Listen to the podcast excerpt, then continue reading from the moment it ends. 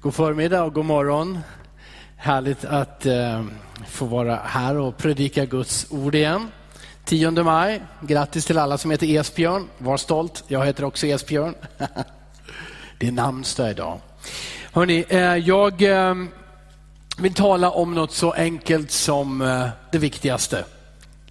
Om mål och mening. Att leva med mål och mening utifrån Jesus, utifrån hans uppdrag, det som var hans mål och den kallelse som han ger att följa honom på vägen mot det målet. Eh, vår efterföljd, att leva med mål och mening. Jesus sa kom och följ mig. Ja, men då är det viktigt att veta vad hans mål var. Eh, Jesus eh, sa kom och följ mig, men vart ska jag följa honom någonstans? Varför skulle jag överhuvudtaget följa Jesus? Som ni vet som brukar lyssna till mina predikningar så följer jag en serie genom Markusevangeliet. Och jag kommer fram till kapitel 8, vilket är en verklig vändpunkt i Markusevangeliet och i Jesu tjänst. Och jag tänker läsa först vers 31 och sen vers 34 till 38. Vers 31 så sa Jesus så här, sedan började Jesus undervisa dem. Människosonen måste lida mycket och bli förkastad av de äldste och översteprästerna och de skriftlärda. Han måste bli dödad och efter tre dagar uppstå igen. Rakt på sak talade han om detta. Så går vi till vers 34. Och han kallade till sig folket och sina lärjungar och sa till dem, om någon vill följa mig ska han förneka sig själv och ta sitt kors och följa mig. Den som vill rädda sitt liv ska mista det. Men den som mister sitt liv för min och för evangeliets skull ska rädda det. För vad hjälper det en människa om hon vinner hela världen men förlorar sin själ? Vad kan en människa ge till lösen för sin själ? Den som skäms för mig och mina ord i det här trolösa och syndiga släktet, honom ska också människosonen skämmas för när han kommer i sin fars härlighet med de heliga änglarna.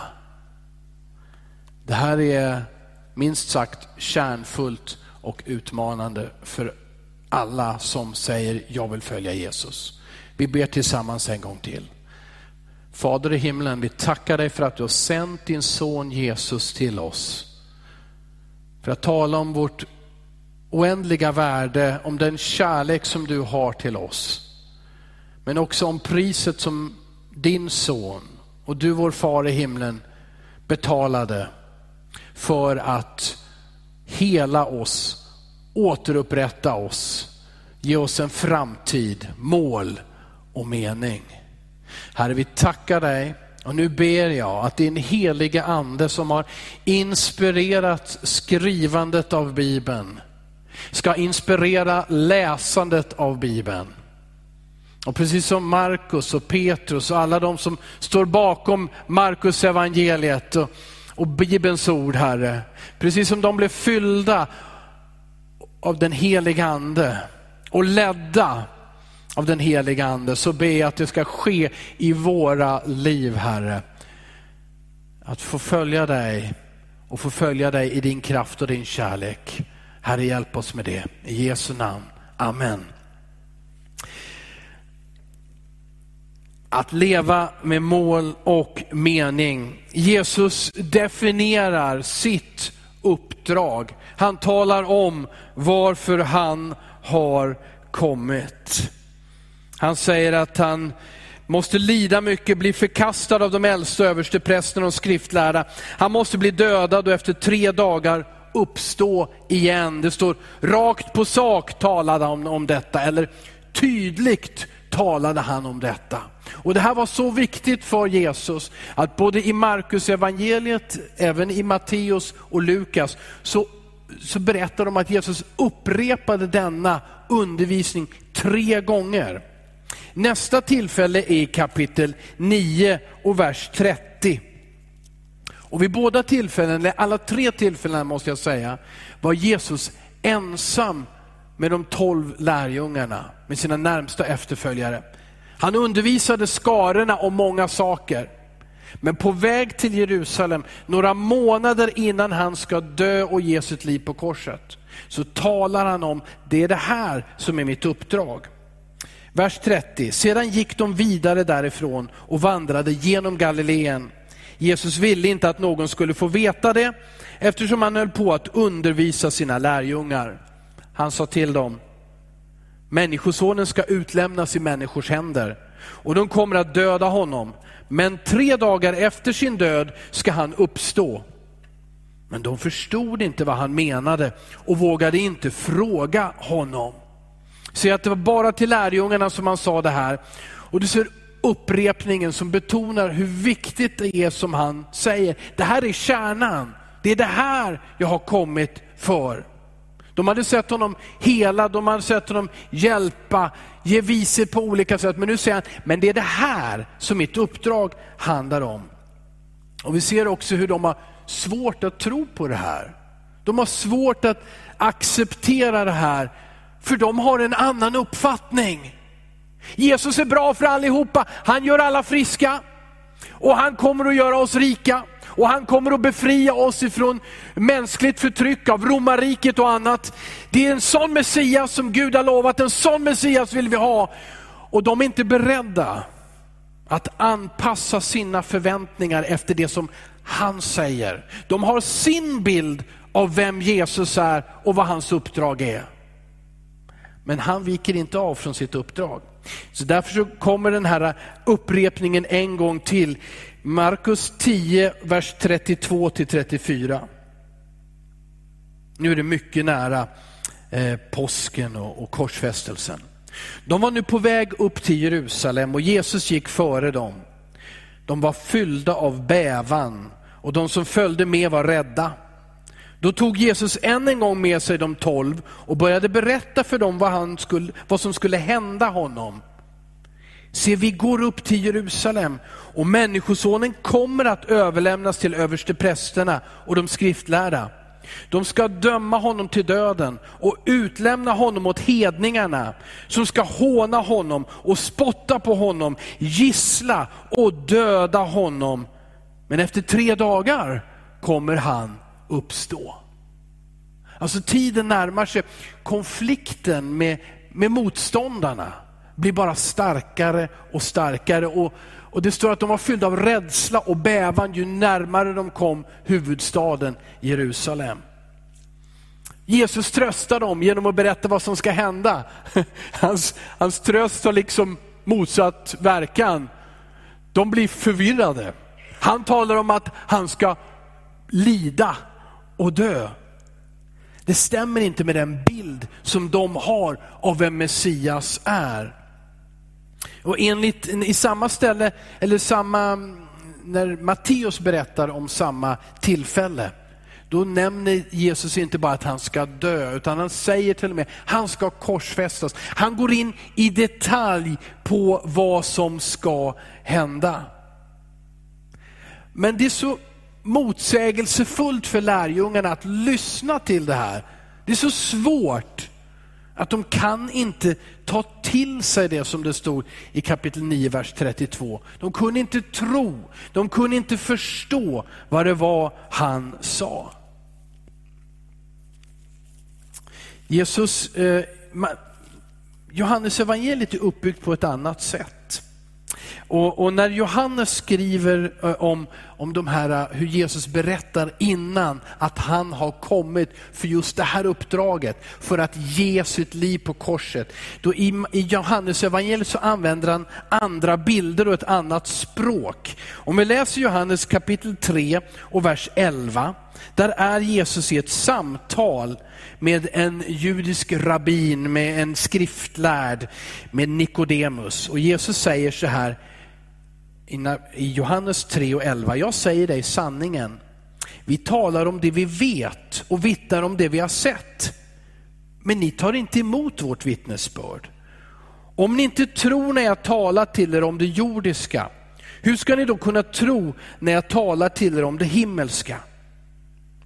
Ingen har stigit upp till himlen utom den som kom ner från himlen, Människosonen som är i himlen. Här förutsäger Jesus inte bara sin död och sin uppståndelse utan även att han ska lyftas upp tillbaka till himlen, det som vi kallar Kristi himmelsfärd. Och så fortsätter han. Och så som Mose upphöjde ormen i öknen måste människosonen bli upphöjd. För att var och en som tror på honom ska ha evigt liv. Jesus tar en bild när han talar till en farisé. Det här är inte till en lärjunge. Och med den bilden från Mose så var det så att, att folket blev sjukt, de blev eh, bitna av giftiga ormar och de trodde att de skulle dö.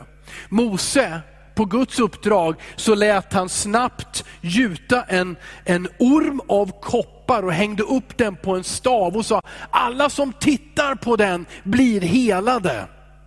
Och då står det i den berättelsen om Israels folk när de var i öknen, att de som tittade upp mot den här staven med ormen, de blev helade. De som sa, jag, har inte, jag tror inte på sånt, jag vill inte, de dog utav giftet. Och om ni, det är nästan till oigenkännlighet nu, men apotekets märke är fortfarande en orm på en stav.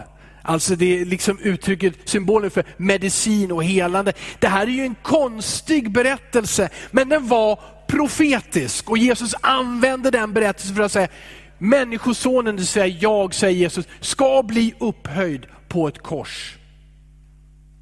Och då, den som ser upp till mig, de ska bli helade och frälsta. Och det är det det handlar om. Och sen så ger Jesus den mest kända bibelversen som vi har just i det sammanhanget. Ty så älskar Gud hela världen att han utgav sin enda son för att den som tror på honom ska ha evigt liv och inte gå under. Det här är Jesu uppdrag.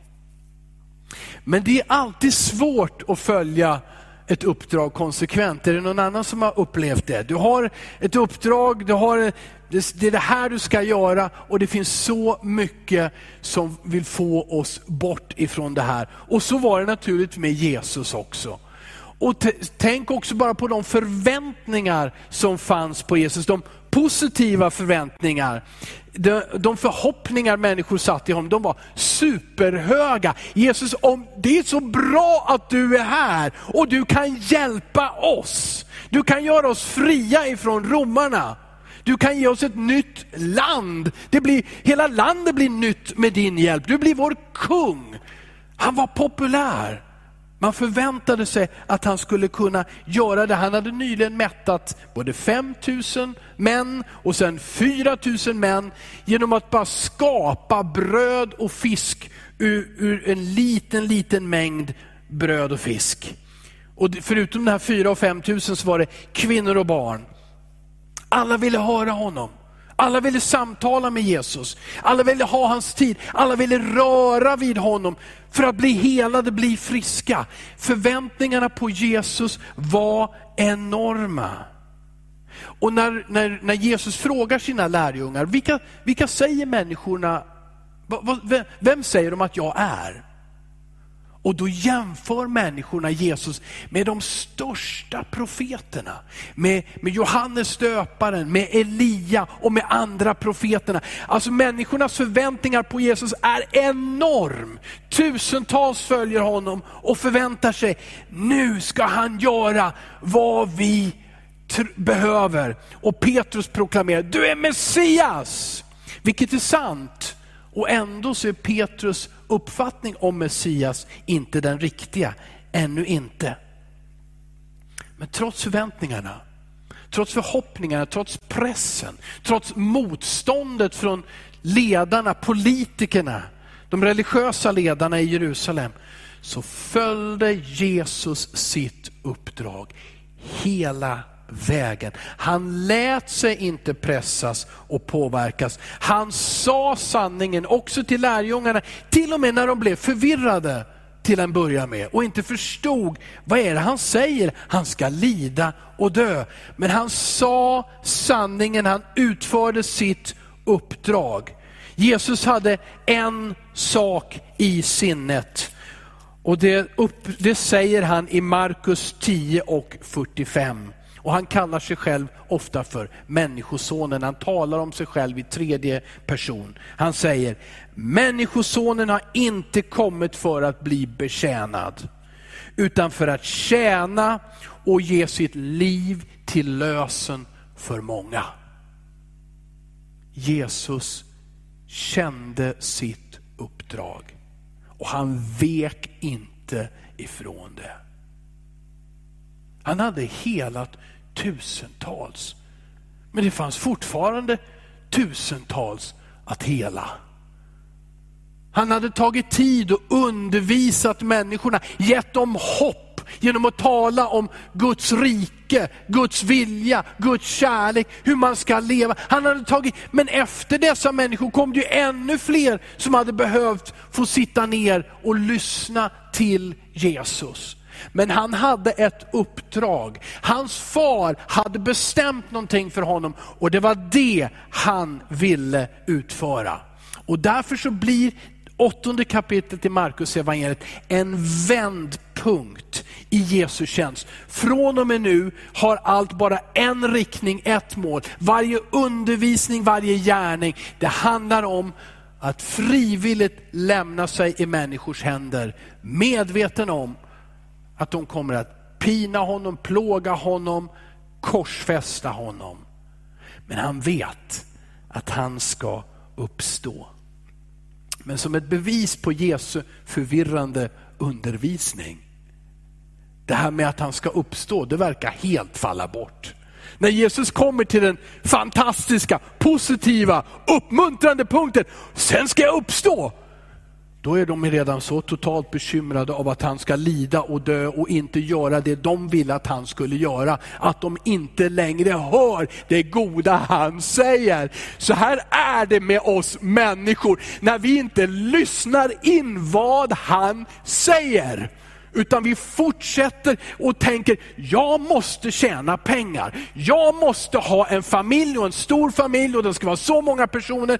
Och utav pengarna så vill jag ha ett hus och en båt och ett hus till och göra resor och det är det jag behöver göra. Gud det är så svårt i mitt liv. Jag har inte tillräckligt med pengar. Människorna förstår inte mig. Chefen på jobbet är så jobbig. Välsigna och hjälp mig. Varför hjälper du mig inte? Jo, för att du och jag så lätt, i princip automatiskt, följer våra egna föreställningar om vad Jesus ska göra för oss. Och så täcker vi, täpper vi till våra öron för att lyssna till sanningen. Det han säger, det som är bra för dig och mig och oss. Jesus definierar sitt uppdrag och så kommer vi fram till vår efterföljelse av honom. För han har sagt, kom och följ mig. Så varför ska vi följa Jesus om han ska dö?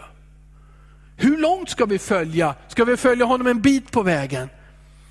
Och till vilken kostnad? Jag hoppas ni är med mig. Och så läser vi från eh, eh, vers 34 alldeles strax. Där Jesus kallar till sig folket. Alltså nu är det inte bara lärjungar, utan kallar han till sig folket. Och så talar Jesus om kostnaden av att följa honom. Jaha, det kostar någonting också att följa honom. Jesus ger ofta en inbjudan, kom och följ mig. Och det är viktigt att vi förstår, vad är den här inbjudan? Vad, är, vad då kom och följ mig? Och, och här så ger han oss i vers 34 tre andra ord. Han säger så här, om någon vill följa mig ska han förneka sig själv och ta sitt kors och följa mig. Han förklarar, fördjupar vad det här är. Vad är det att förneka sig själv? Ja, det är att inte längre associera dig med den du var. när du, ditt tidigare liv, med den stoltheten, själviskhet, det högmod, den självrättfärdighet som fanns. Som säger, ja, men jag duger som jag är, varför behöver jag Jesus? Det är att inte längre associera sig själv med det, att följa det jag vill göra, utan säga, jag följer Guds vilja. Att ta sitt kors, det här är någonting som alla förstod när Jesus tog upp den bilden. De kände till detta, detta var romarnas grymmaste sätt att avrätta människor på ett plågsamt sätt. Och till korsfästelse så gick man med tvärbalken över sina axlar, bärande på den. Så Jesus säger, att följa mig det är också att ta sitt kors. Det betyder det här är slutet på min väg. Det här är, det är min, den som tar upp en, en sån här tvärbalk, en korsbalk, går den sista sträckan av sitt eget liv. Paulus skriver, jag är korsfäst med Jesus Kristus. Nu lever inte jag längre jag själv, Kristus lever i mig, jag lever i honom. Men om, vi, om, du inte förstår detta, då har du inte förstått kärnan i Jesu budskap. Han säger sen, följ mig. Det vill säga, följ inte dig själv. Jag ska inte följa mig själv. Från och med nu ska jag följa honom. Det betyder att han leder varje dag. Han bestämmer varje dag. När vi börjar vår dag, när vi avslutar den, handlar det inte först och främst om mina planer, vad jag vill göra, utan vad han vill, vad han vill leda mig in i, vad han säger åt mig. Lukas 6 och 16, 46 säger, varför kallar ni mig Herre, Herre? när ni inte gör vad jag säger. Romarbrevet 10 och 9 säger att den som med sin mun bekänner att Jesus är Herre, han blir frälst. Det här är kärnan, att han blir vår Herre och att vi följer honom. Att vi följer honom. Och då tar Bibeln upp i Hebreerbrevet 10.25 som ett exempel. Försumma inte era sammankomster för ert nöjes skull. Överge inte era sammankomster, era gudstjänster. Gud vill möta oss i tillbedjan, i lovsång, när vi tackar honom. Han vill möta oss och undervisa oss när vi läser Bibeln, när vi lyssnar, Bibeln, när vi lyssnar till predikan, när vi tar emot. Han vill välsigna oss när vi ger av våra pengar till församling, till Guds rike, till andra människor, till Gud själv. Det är, allt detta är underställt honom. Han är vår Herre, han är vår ledare. Det här är inte ord ur min mun, det här är ord ur Jesu mun. Han sa, den, om någon vill följa mig, om någon vill kalla sig kristen, ska han förneka sig själv och ta sitt kors och följa mig. Oavsett om det är förföljelse, om det är pandemi, om det är svårigheter, om det är mobbning, om det blir förlöjligande i olika sammanhang. Men att följa Jesus. Jesus har talat om kostnaden. Han talar också om, han lyfter fram motsägelser eller paradoxer i det här. Och då kommer vi till vers 35. Det, I princip är det så här, varför, varför, skulle du vilja följa Jesus? Varför ska du göra det? Var, varför lönar det sig? Jesus säger, den som vill rädda sitt liv ska mista det. Men den som mister sitt liv för min och för evangeliets skull ska rädda det.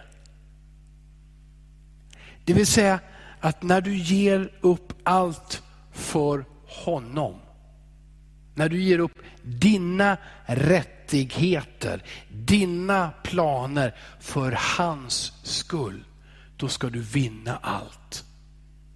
När du söker allt detta, krampaktigt kräver, eftersträvar det, då ska du förlora det.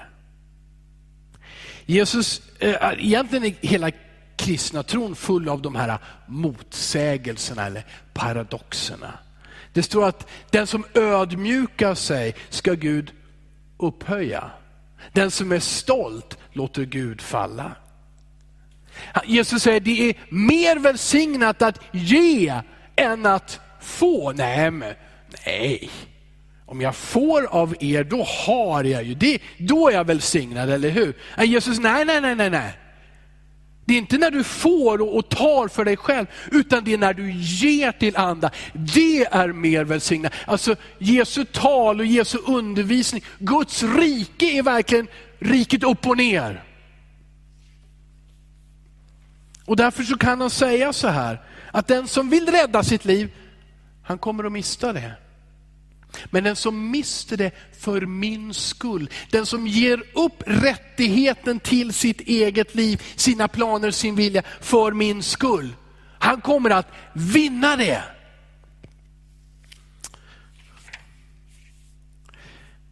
Och när vi, det handlar, att, att ge sitt liv för Jesus skull. Det handlar inte om att, att utöva godhet i största allmänhet. Okay, jag, jag tar inte så mycket tid för mig utan jag tar tid för andra. Jag använder inte alla pengar för mig utan jag använder dem för andra. Ja, jag ska hjälpa andra, jag ska ge min tid för andra. Nej, du blir inte frälst för att du hjälper andra människor. Du blir inte frälst för att du försöker att vara en god människa. Det är när du släpper rättigheten till allt ditt egna och säger, var min Herre Jesus. Det är då du blir frälst. När du tror på honom som frälser oss av nåd. då står det, sa Jesus så här i vers 36. Vad hjälper det en människa om hon vinner hela världen men förlorar sin själ? Din själ, din och min själ är evig. Den kommer att hamna någonstans efter döden. Du kommer att leva vidare. Gud har gett dig en själ. Frågan är var den hamnar någonstans efter döden. Och med den här frågan, vad hjälper det en människa om hon vinner hela världen men förlorar sin själ? Så uppmanar Jesus oss till en själens inventur. Vad vinner du om du lyckas affärsmässigt? Vad vinner du om du får den partner i livet som du vill ha? Vad vinner du om du blir populär bland alla människor? Vad vinner du om du vin, har sportliga framgångar? Men om du förlorar din själ, Jesus svarade inte, vi, vi ser inte att någon svarar, det är ett retoriskt svar och det är ingenting. Om du vinner allt annat men inte har Jesus så har du ingenting. Vers 37 så fortsätter Jesus, vad kan en människa ge till lösen för sin själ? Han ställer en fråga. Men han säger något ofattbart. Vad kan en människa ge till lösen för sin själ? Ser du hur han säger, din själ, ditt liv har ett ofattbart värde. Din själ och ditt liv är mer värd än hela världen. Än all rikedom, än all popularitet än all framgång. Din själ, Gud älskar dig. Och när, när, jag vill gå tillbaka till samtalet som eh, eh Jesus hade med Nikodemus. I Johannes kapitel 3, där jag läste om, från vers 14 så som Mose upphöjde ormen i öknen måste människosonen bli upphöjd. För att var och en som tror på honom ska ha evigt liv. Så älskade Gud världen att han utgav sin enfödde son. För att var och en som tror på honom inte ska gå förlorad utan ha evigt liv. Din själ är värd allt för honom. Gud vet att du inte kan frälsa din själ med goda gärningar, med en god vilja, med framgång, med popularitet. Han vet att det inte finns på något sätt en möjlighet för dig att rädda och frälsa din själ för evigheten. Men han betalade hela priset på korset. Han gav sitt liv för dig och mig. Därför så säger han, följ mig.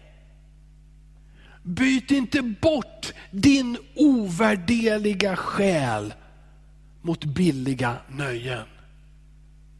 Byt inte bort det allra mest värdefulla, ditt liv och din själ och din evighet mot att få ha lite nöjen här och nu.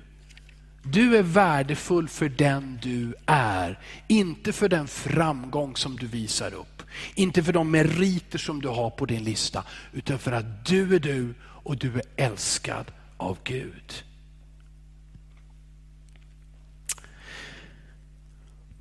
Vad sker om vi nekar hans erbjudande? Om vi tackar nej till Jesu erbjudande. Jesus går också in på detta. Det är den sista versen vers 38. Den som skäms för mig och mina ord i det här trolösa och syndiga släktet, honom ska också människosonen skämmas för när han kommer i sin fars härlighet med de heliga änglarna. Vad sker när vi skäms för vad Jesus säger? När vi skäms för vem han är?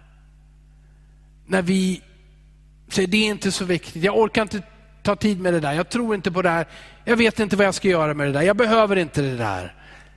Då säger han att så som ni skäms för mig här och nu och inte tar vara på er själ och min kärlek för er själ och att jag har betalat priset genom att dö för er då ska jag inte kännas vid er när jag kommer tillbaka. Han tar starka ord i sin mun, då ska jag skämmas för er. Och Jesus kommer tillbaka och han säger att, han talar om sig själv än en gång som människosonen som ska komma i sin fars kärlighet med de heliga änglarna. Och Det påminner kanske bibelläsaren om Jesu tal i kapitel 25, Matteus 25 och vers 31. Jag läser eh, Matteus 25, 31-33. När människosonen kommer i sin härlighet och alla änglar med honom, då ska han sätta sig på sin härlighetstron. Och alla folk ska samlas inför honom och han ska skilja dem från varandra som herden skiljer fåren från getterna. Och han ska ställa fåren på sin högra sida och getterna på den vänstra. Och så följer hur Jesus kommer tillbaka och han kommer för att döma oss för våra gärningar och våra liv. Och Det avslutas i vers 46, än en gång med väldigt tydliga och raka ord från Jesus. Och dessa ska gå bort till evigt straff, men de rättfärdiga till evigt liv. Ja, en motivationsfaktor att följa Jesus, det är att du vinner allt. Du vinner livet, du vinner evigheten. Men det går inte att ta bort ifrån Jesu undervisning att en motivationsfaktor också är att det kommer en dom. Det kommer en dag då du och jag står helt ensamma inför Gud och vårt liv synas. Inte bara våra handlingar och våra ord, utan våra tankar. Allting från början till slut.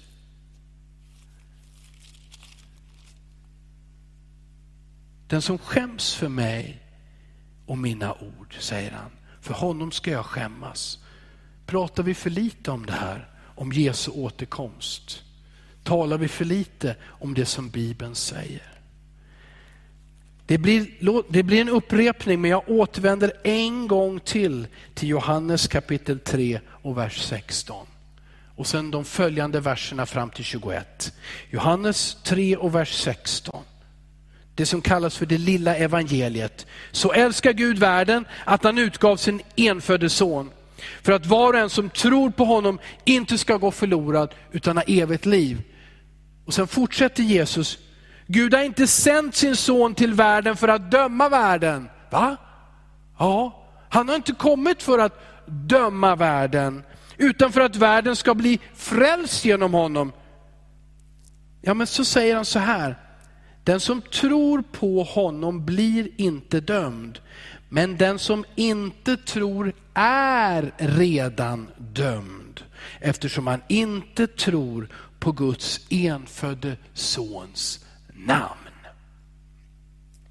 Den här predikan har som titel att leva med mål och mening.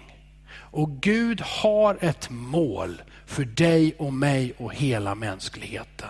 Han har en mening i att följa Jesus, i att göra vår fars vilja. Men han vet att utan honom är vi på väg mot den eviga döden mot helvetet. Och därför så ger han oss en frälsare. Därför så sänder Gud sin egen son till oss och säger, du som tror på mig, du ska ha evigt liv. Du ska aldrig behöva skämmas för någonting som du har sagt fel eller gjort eller ångrat. Jag ska ta bort allting. Du ska aldrig bli dömd.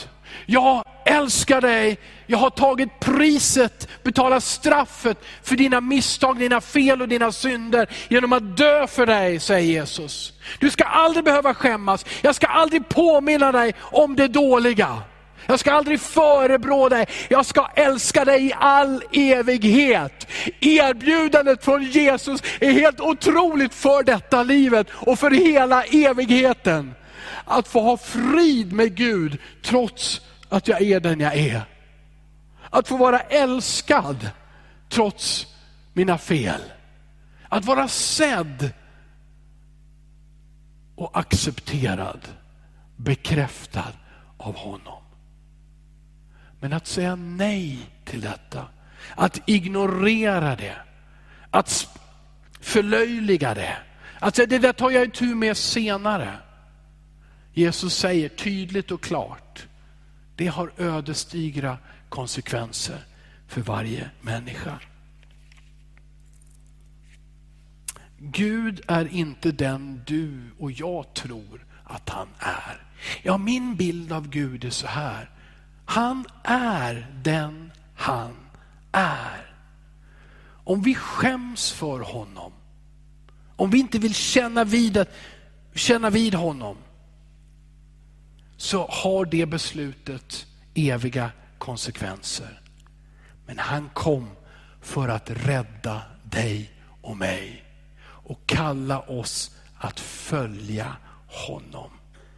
Han kom och säger, jag kan förvandla ditt liv helt och hållet. Andra Korinthierbrevet 5 och 17 säger, i Kristus blir vi en ny skapelse. Se någonting nytt har kommit, det gamla är förgånget. Det här är Guds vilja, Guds tanke, Guds plan för dig. När, han ta, när Jesus talar med Nikodemus så säger han, du ska bli född på nytt. Du får förlåtelse för dina synder, det är bakom dig och du blir född på nytt. När du tror på honom så ärar han dig genom att bli din frälsare och din bäste vän. Den skam som vi har, låt den inte hålla oss borta ifrån Jesus.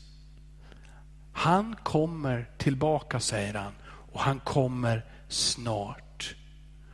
Är du frälst? tror du på Jesus för den han är och för vad, du, vad han har gjort?